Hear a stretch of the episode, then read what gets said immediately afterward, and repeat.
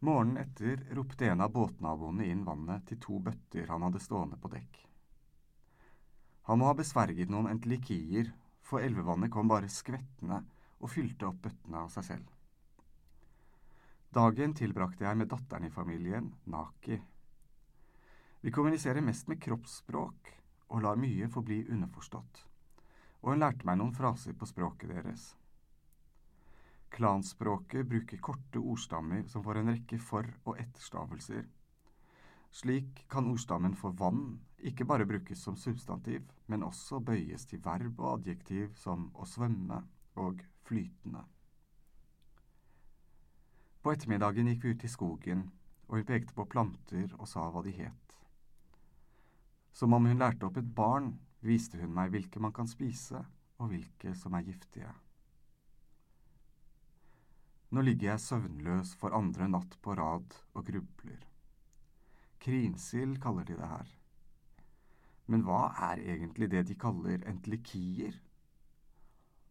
Har det noe å gjøre med hendelsene i skogen den dagen jeg kom? Den tigeren jeg møtte, spiller visst en rolle. Men hva med det flammende hjulet som viste seg? Hva pokker er det som foregår her, egentlig? Også tanken på ropet jeg hørte, stemmen til Alma, holder meg våken. Det kan ha vært det trolldyret Abulek som de snakket om.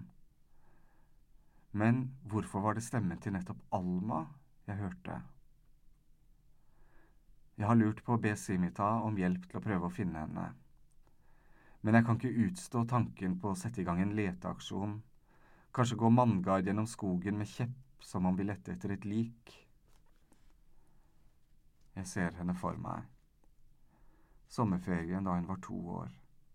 Liten og puslete. Naken på stranda mellom de våte sandhaugene. Jeg husker en annen gang, da jeg besøkte familien i byen og hadde kjeftet på henne. Hun ble stående igjen fortvilet på gaten. Og i dag husker jeg ikke engang hvorfor jeg var sint. Bare den triste minen hennes innimellom de mørke krøllene. Jeg har gått gjennom disse minnene så mange ganger, og for hver gang har jeg lagt litt større avstand til dem. Erstattet selve minnet med erindringen av å tenke tilbake på det. Til slutt er det ikke mer igjen enn et minne om et minne.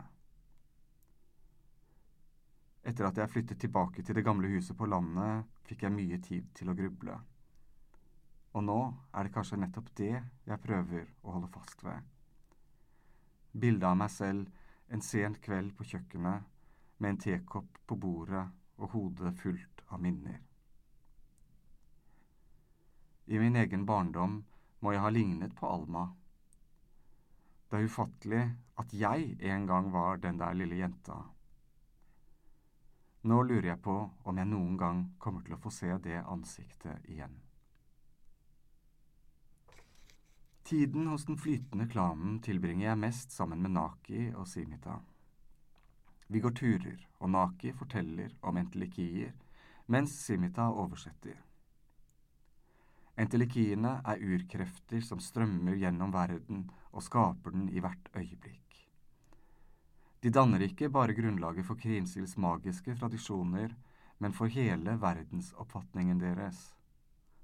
Alt som kan kalles virkelig, er bare den flyktige tilsynekomsten av entelikinenes spill for sansene våre. Naki sier, vi er hva vi er, men det entelikiene er, er værens væren.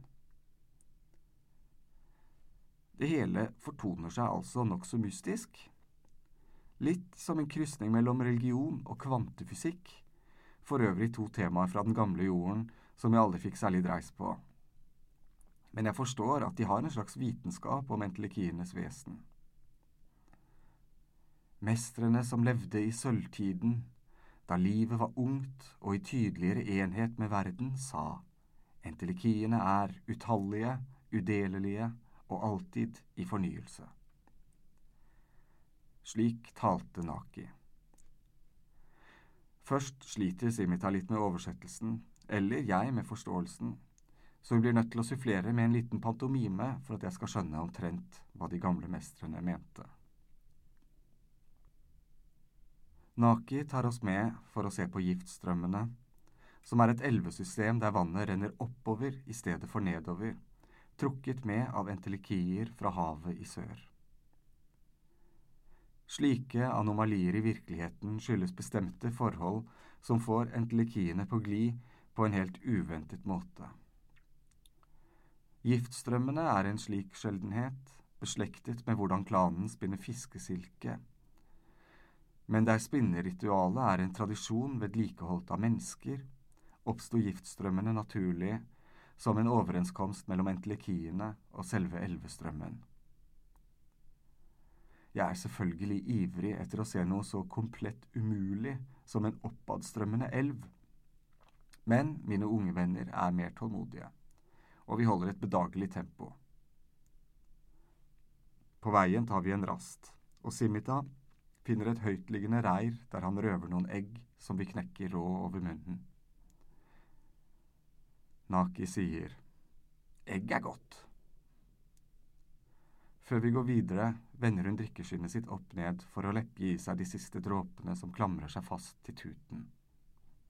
Endelig er vi fremme, og selv om jeg har gjort meg opp mang en idé om hvordan giftstrømmene vil fortone seg, kunne ingenting forberedt meg på å bevitne fenomenet med egne øyne. Vannet synes å slepe seg oppover mot tyngdekraften, ikke med den klukkende lettheten til fallende vann, men møysommelig som et motordrevet transportbånd. Oppover i skogen glitrer elva overnaturlig til i furer og sprekker i jorda. Jeg blir helt himmelfallen. Naki klør seg i rumpa.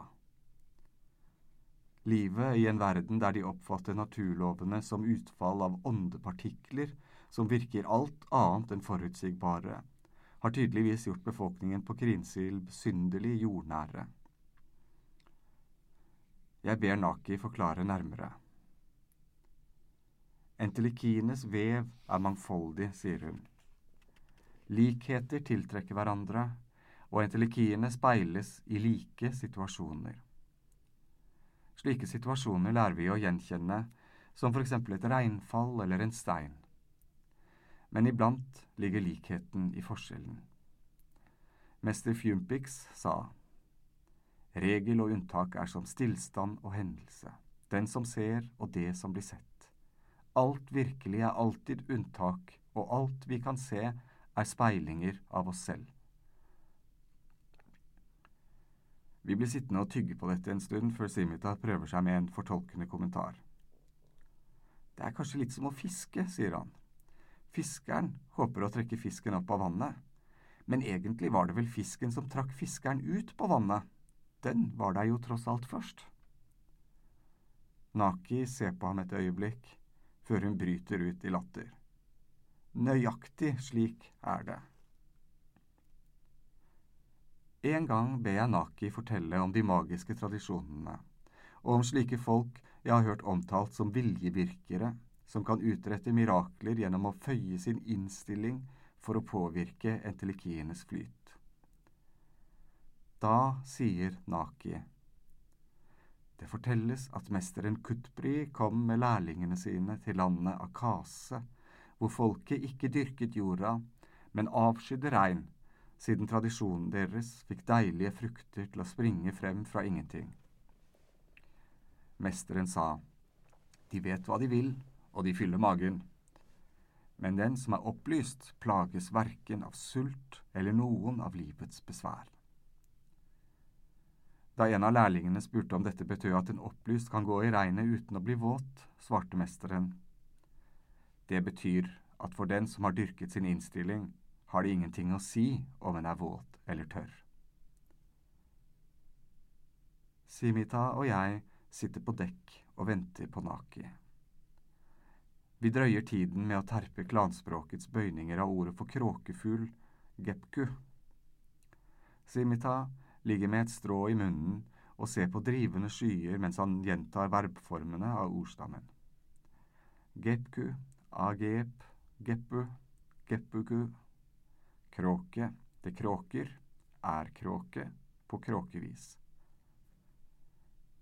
Vi avbrytes midt i den grammatiske gjennomgangen av at Naki kommer stormende opp fra kahytten. Da vi snur oss mot henne, stirrer hun villøyd tilbake, rødmer og legger hånden på kinnet. Hun sier ingenting.